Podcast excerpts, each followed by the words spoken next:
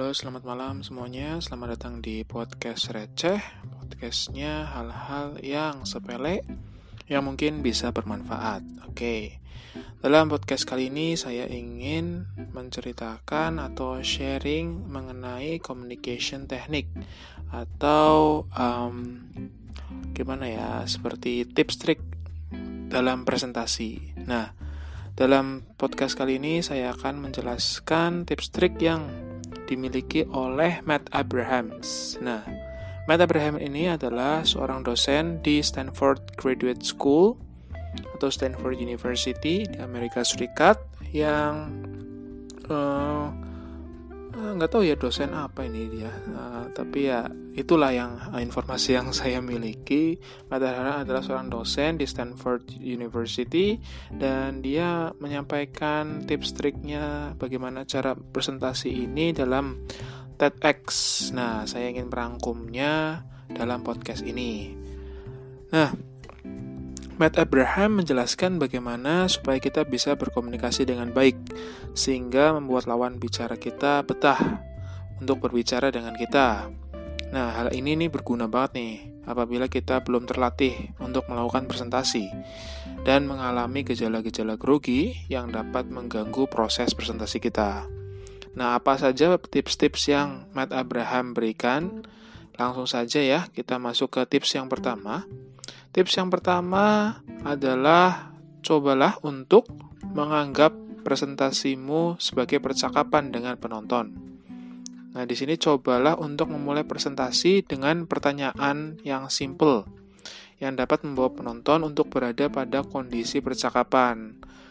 Nah, misalkan di PowerPoint kalian, buatlah bullet point presentasi dengan menggunakan pertanyaan-pertanyaan daripada informasi-informasi singkat. Mungkin kalian diberikan tips trik untuk membuat presentasi menggunakan bullet point dan menyampaikan poin-poin singkat yang akan kalian uh, sampaikan itu tips trik zaman dulu ya.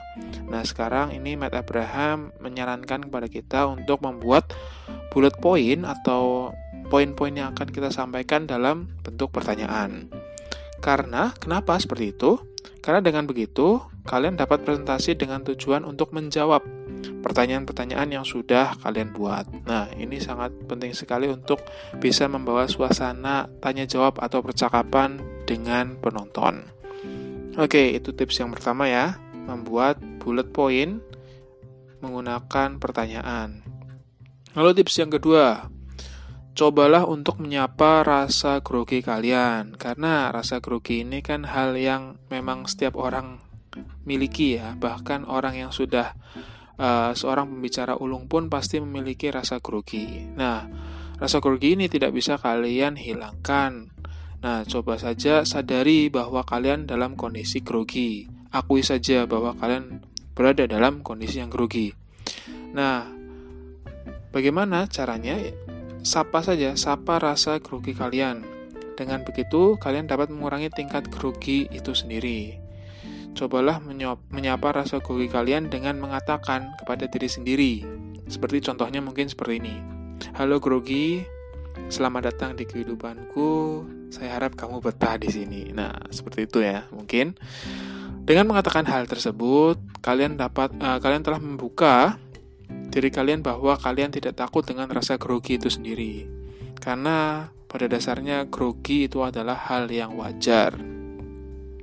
Um, dari sebuah penelitian, ditemukan bahwa 85% sampel orang itu yang diteliti ya merasa grogi ketika sedang dalam presentasi. Dan sisanya 15% gimana? 15%-nya kata Matt Abraham ya 15%-nya yang lainnya itu bohong. Pada dasarnya semua orang itu uh, pasti memiliki rasa grogi ya. Jadi cukup terima saja bahwa rasa grogi itu adalah hal yang wajar dan tidak perlu takut terhadap grogi. Oke, itu tips yang kedua ya. Jadi tips yang kedua adalah menyapa rasa grogi kalian. Welcoming rasa grogi. Karena hal itu adalah hal yang wajar. Akui saja bahwa diri kalian itu grogi. No problem. Oke.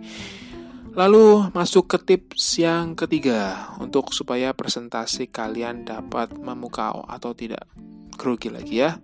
Oke, tips yang ketiga adalah buat diri kalian berada pada keadaan sekarang atau present moment.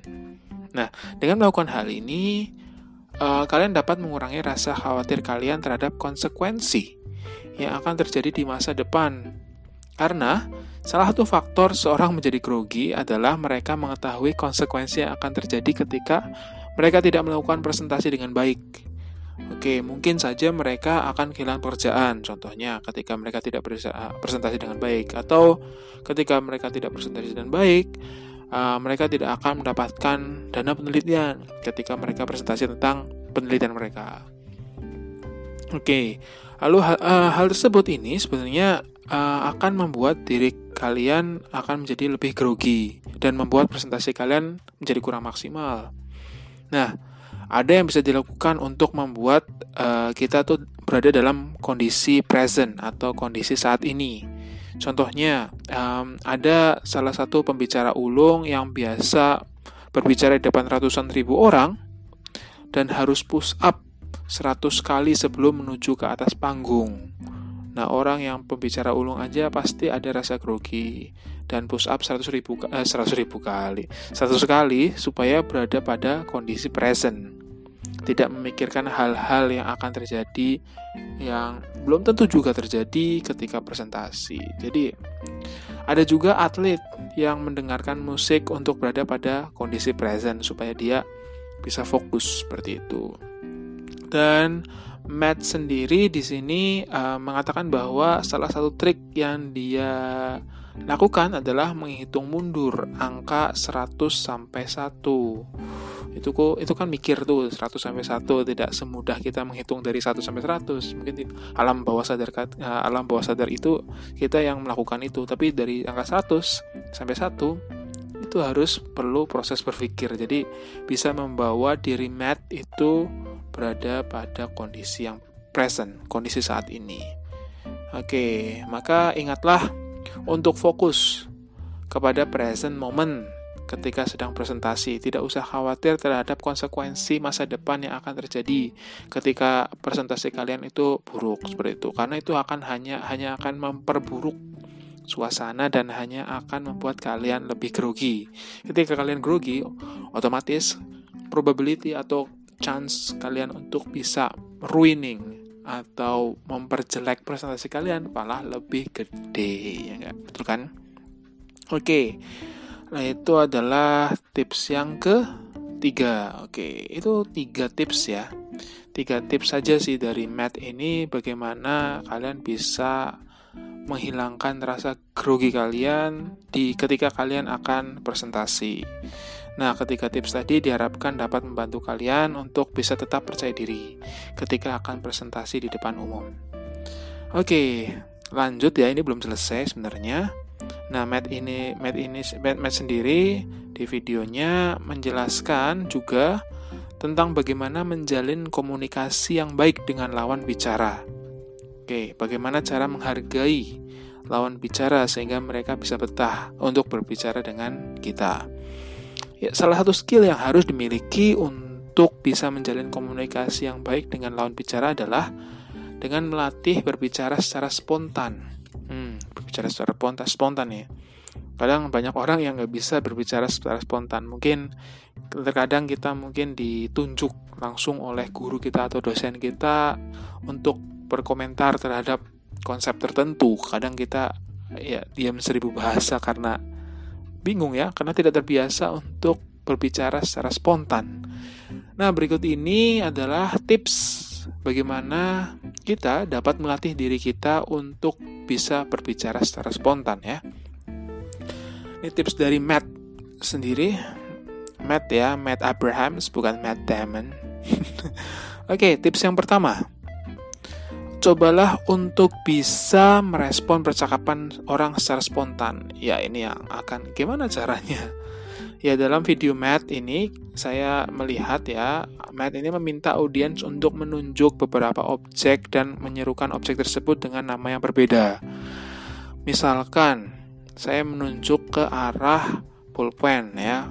Namun saya harus mengatakan atau menyerukan bukan pulpen. Uh, hal yang lain yang bukan pulpen, misalkan saya menunjuk ke pulpen, pulpoint, namun saya menyerukannya dengan kata kertas, seperti itu. Lalu saya menunjuk ke tas dan saya mengatakannya dengan nama sandal, seperti itu. Lalu saya menunjuk ke arah jam, saya menyerukan jam itu dengan kata kursi lain-lain seperti itu ya.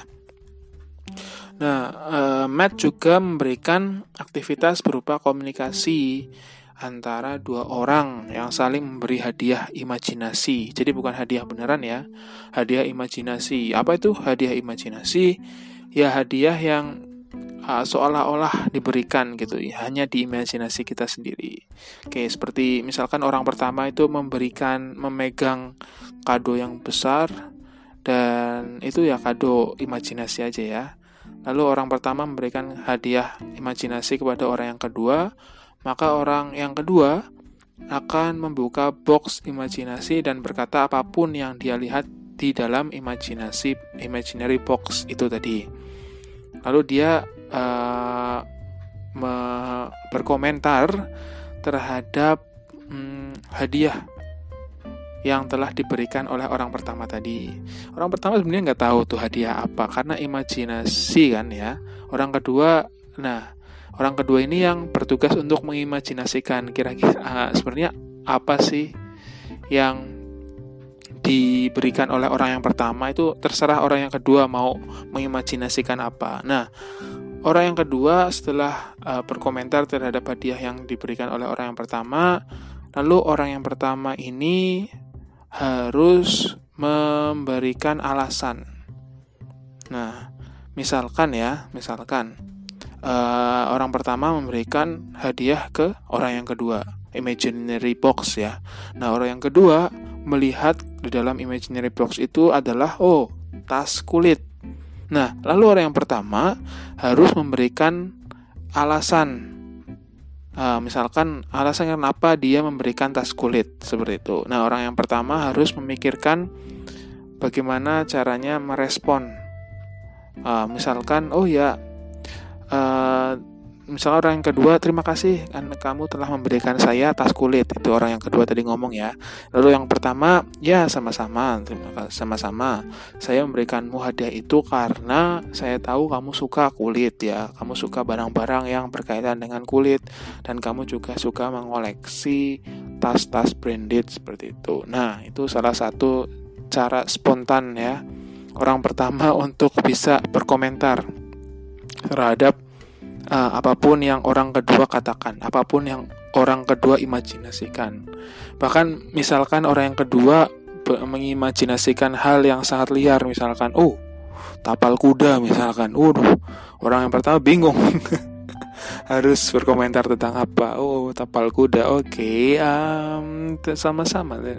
Saya memberikan hadiah itu karena bla bla bla bla. Nah itu salah satu uh, aktiviti aktivitas yang Matt lakukan kepada orang-orang yang mendengarkan uh, TEDx-nya dia seperti itu. Jadi orang tersebut dapat berlatih bagaimana secara spontan untuk uh, what is that? Hmm, merespon uh, pikiran orang yang sedang dipikirkannya pada saat itu sehingga percakapan bisa secara lancar atau secara Ya, uh, secara lancar ya, secara otomatis berlangsung dengan baik.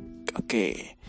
Itu adalah tips yang pertama ya. Jadi tips yang pertama tadi adalah coba untuk melatih diri kita untuk bisa berbicara secara spontan dengan aktivitas-aktivitas yang telah Matt contohkan tadi seperti itu.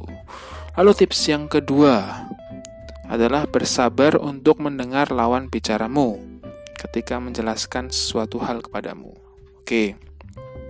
Dalam hal ini, Matt uh, menekankan bahwa mendengarkan lawan bicara dengan seksama adalah hal yang susah-susah gampang sebenarnya ya. Matt memberikan suatu aktivitas yang dapat melatih fokus kita untuk mendengarkan lawan bicara dengan seksama. Nah, Matt memberikan aktivitas lagi nih. Matt meminta audiens untuk mencari pasangan dan menjelaskan kepada teman mereka kegiatan apa yang akan mereka lakukan akhir pekan ini. Ya, it seems easy ya. Namun, hmm, tak tidak semudah itu. Mereka harus melakukannya dengan cara mengeja setiap kata yang akan mereka ucapkan. Sehingga orang yang mendengar akan sangat fokus untuk mendapatkan poin yang disampaikan oleh orang yang berbicara. Nah, bisa dibayangkan ya, hal ini tuh bisa memberi gambaran kepada orang yang sedang berbicara Bagaimana rasanya ketika orang yang sedang kita ajak bicara benar-benar memperhatikan setiap kata yang kita ucapkan. Nah, pastinya kalau kalian mengucap atau menceritakan uh, rencana weekend kalian minggu ini dengan uh, mengeja mengeja huruf ya, mesti orang yang mendengarkan pasti harus fokus sekali untuk mengetahui maksud yang ya ingin kalian utarakan misalkan um, misalkan coba saya mengeja ya. Hmm, a, a b ah, gimana sih? Hmm, susah juga. Untuk ngeja aja susah ya s a y a m a u k e l u a r n e g r i uh, s e p r t i m a l a y M A L A Y A S I A. Oh. Yes, agak susah ya. Yang ngejaja agak susah apalagi dengerin.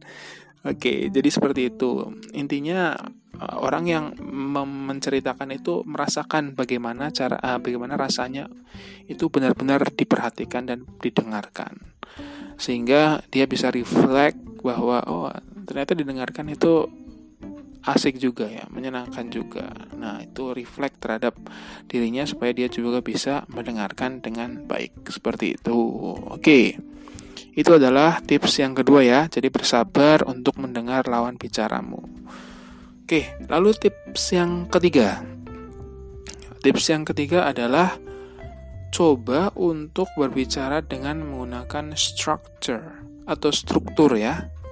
Berbicara dengan terstruktur ini memiliki keuntungan tersendiri sebenarnya. Seperti dapat dipahami oleh pembicara dengan baik, lalu dapat mengungkapkan poin percakapan dengan baik dan dapat membuat pendengaran uh, atau sorry dapat membuat uh, pendengar kita betah dengan percakapan yang sedang berlangsung. Oke, okay, Matt memberikan beberapa tipe structure ya, tipe struktur yang dapat membantu percakapan kita. Struktur yang pertama adalah uh, seperti ini: problem, solution, benefit. Saya ulangi lagi ya: problem, solution, benefit. Tiga kata ini. Jadi berurutan ya: problem dulu, lalu solution, lalu benefit. Nah, kita bisa memulai percakapan dengan memberitahu masalah atau isu yang sedang berlangsung. Itu problem tadi. Problem memberitahu masalah atau isu yang sedang berlangsung. Lalu solution, problem, solution, benefit kan tadi ya. Lalu solution, solution dari masalah tadi tawarkan solusi-solusi yang mungkin berhasil, yang uh, berasal dari pemikiranmu atau mungkin uh, pengalamanmu mendengar informasi dari sumber lain dan itu bisa disampaikan juga. Itu tawarkan solusi-solusi yang mungkin dari problem yang ada. Lalu yang ketiga tadi problem, solution, benefit. Yang ketiga adalah benefit. Benefit dari hasil menggunakan solusi-solusi tadi itu apa sih kiranya? Nah, seperti itu. Itu merupakan salah satu um, struktur ya, struktur dalam berbicara. Jadi runtut the orang mendengarkan tuh enak. Problemnya apa, solusinya apa, lo benefitnya apa, seperti itu. Lalu ada struktur yang kedua. Struktur yang kedua adalah what, so what, terus now what. Saya ulangi ya Struktur yang kedua adalah what, apa, so what, lalu apa, now what, sekarang apa, gitu. Nah, struktur ini tuh struktur gimana sih? Uh, struktur ini cocok banget untuk memperkenalkan sesuatu atau memperkenalkan seseorang. Ini dimulai dari menjelaskan what. What is it? What it is? What what is it? Ya, Lalu dilanjutkan dengan menjelaskan mengapa hal itu penting atau barang itu penting. Menjelaskan bendanya dulu. Apa sih ini? Misalkan uh, sisir, ya ini adalah sisir yang berwarna hijau yang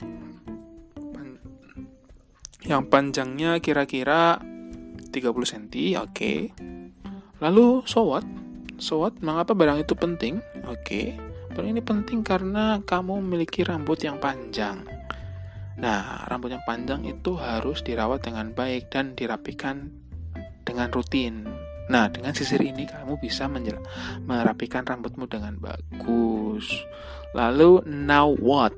Now what di sini sekarang gimana? Ya, ya sekarang up to you misalkan dengan sisir itu ya kamu bisa beli sisir ini di toko terdekat misalkan nah di situ itu adalah struktur what so what now what.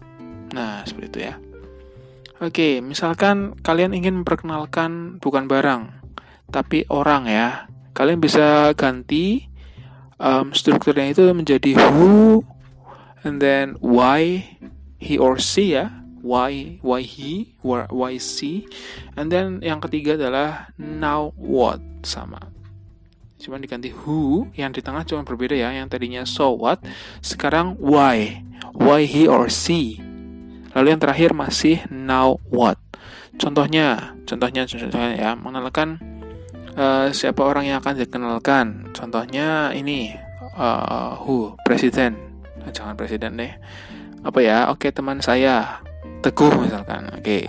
Contohnya misalkan siapa? Berarti kan pernah who. Oh ini Teguh, dia teman saya, dia teman saya di universitas ya, ketika saya kuliah di universitas dan lain-lain. Oke, okay, that's who point. Poin who-nya ya tadi. Sekarang masuk ke poin yang kedua. Why he? Why? Kenapa kamu memperkenalkan dia kepada saya? Misalkan seperti itu. Oke, okay, the reason why kenapa saya mengenalkan dia kepada kamu adalah uh, supaya kamu dan dia bisa berkenalan. Barangkali kalian berjodoh seperti itu. Why he, why she seperti itu ya. Lalu now what? Setelah kalian menjelaskan why-nya, sekarang now what? Now ya bisa planningkan untuk bisa bertemu kembali atau dating atau nonton dan lain-lain seperti itu. Nah, itu bisa digunakan struktur itu dia bisa digunakan untuk memperkenalkan seseorang ya. Dan itu tidak terbatas the uh, who-nya tadi who uh, masing-masing uh, strukturnya itu bisa dielaborasi lebih dalam ya who-nya misalkan ya ini teguh teman saya teman saya di universitas dan dia cum laude misalkan dan lain-lain itu bisa diperpanjang lagi uh, sepanjang kalian yang uh, sepanjang ya sebanyak ide yang ada di pikiran kalian. Oke, okay, dan itu bisa itu adalah dua struktur ya yang bisa membantu kalian untuk membuat percakapan kalian itu lebih santai, lebih uh, masuk di akal lah, lebih jelas arahnya itu ke mana seperti itu. Oke, okay. dan ini bisa membantu kita sih sebenarnya ketika kita orang yang grogi atau orang yang susah ketika berbicara di depan umum atau susah berbicara dengan orang baru misalkan. Nah, struktur ini tuh bisa membantu. Kenapa? Karena struktur ini adalah cara bagaimana menyampaikan. Nah, ketika kita memiliki atau mengetahui bagaimana cara menyampaikan, otomatis kita tidak usah peduli lagi atau kita tidak usah merasa khawatir tentang bagaimana cara menyampaikan. Kita hanya perlu berpikir apa yang harus kita sampaikan, dan itu bisa meringankan uh, tugas atau beban dari otak kita supaya tidak terlalu stres, tidak terlalu grogi atau takut untuk berbicara dengan orang baru atau berbicara di depan umum seperti itu.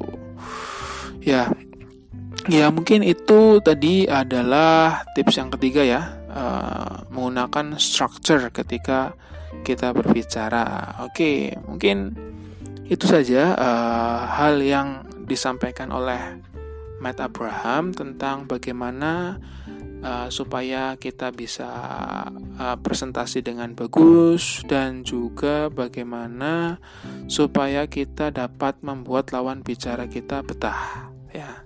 Nah, ya, kita ulangi lagi, kita verb uh, kita bungkus ya kita simpulkan tadi dari Matt supaya kita bisa berpresentasi dengan baik Uh, tips yang pertama adalah anggaplah presentasimu sebagai percakapan dengan penonton.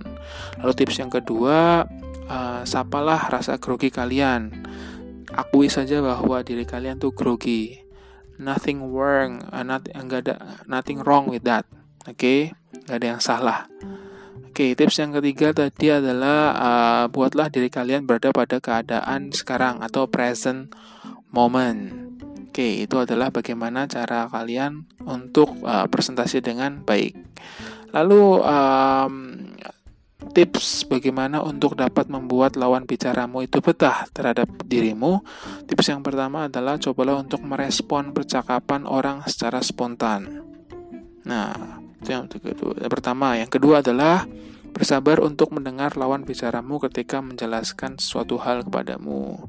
Lalu yang ketiga, yang terakhir adalah cobalah untuk berbicara dengan menggunakan struktur supaya supaya arah bicaramu itu jelas dan orang yang mendengarkanmu itu tahu ya what's the point dengan mudah seperti itu. Oke. Okay. Uh, mungkin itu saja ya tips yang uh, bisa saya sampaikan. Itu adalah tips dari Matt Abraham, seorang dosen dari Stanford University, dan mungkin itu saya harap bisa membantu atau bermanfaat bagi kalian. Oke, mungkin sekian saja dari saya. Terima kasih telah mendengarkan. So, see you in the next podcast. Bye bye.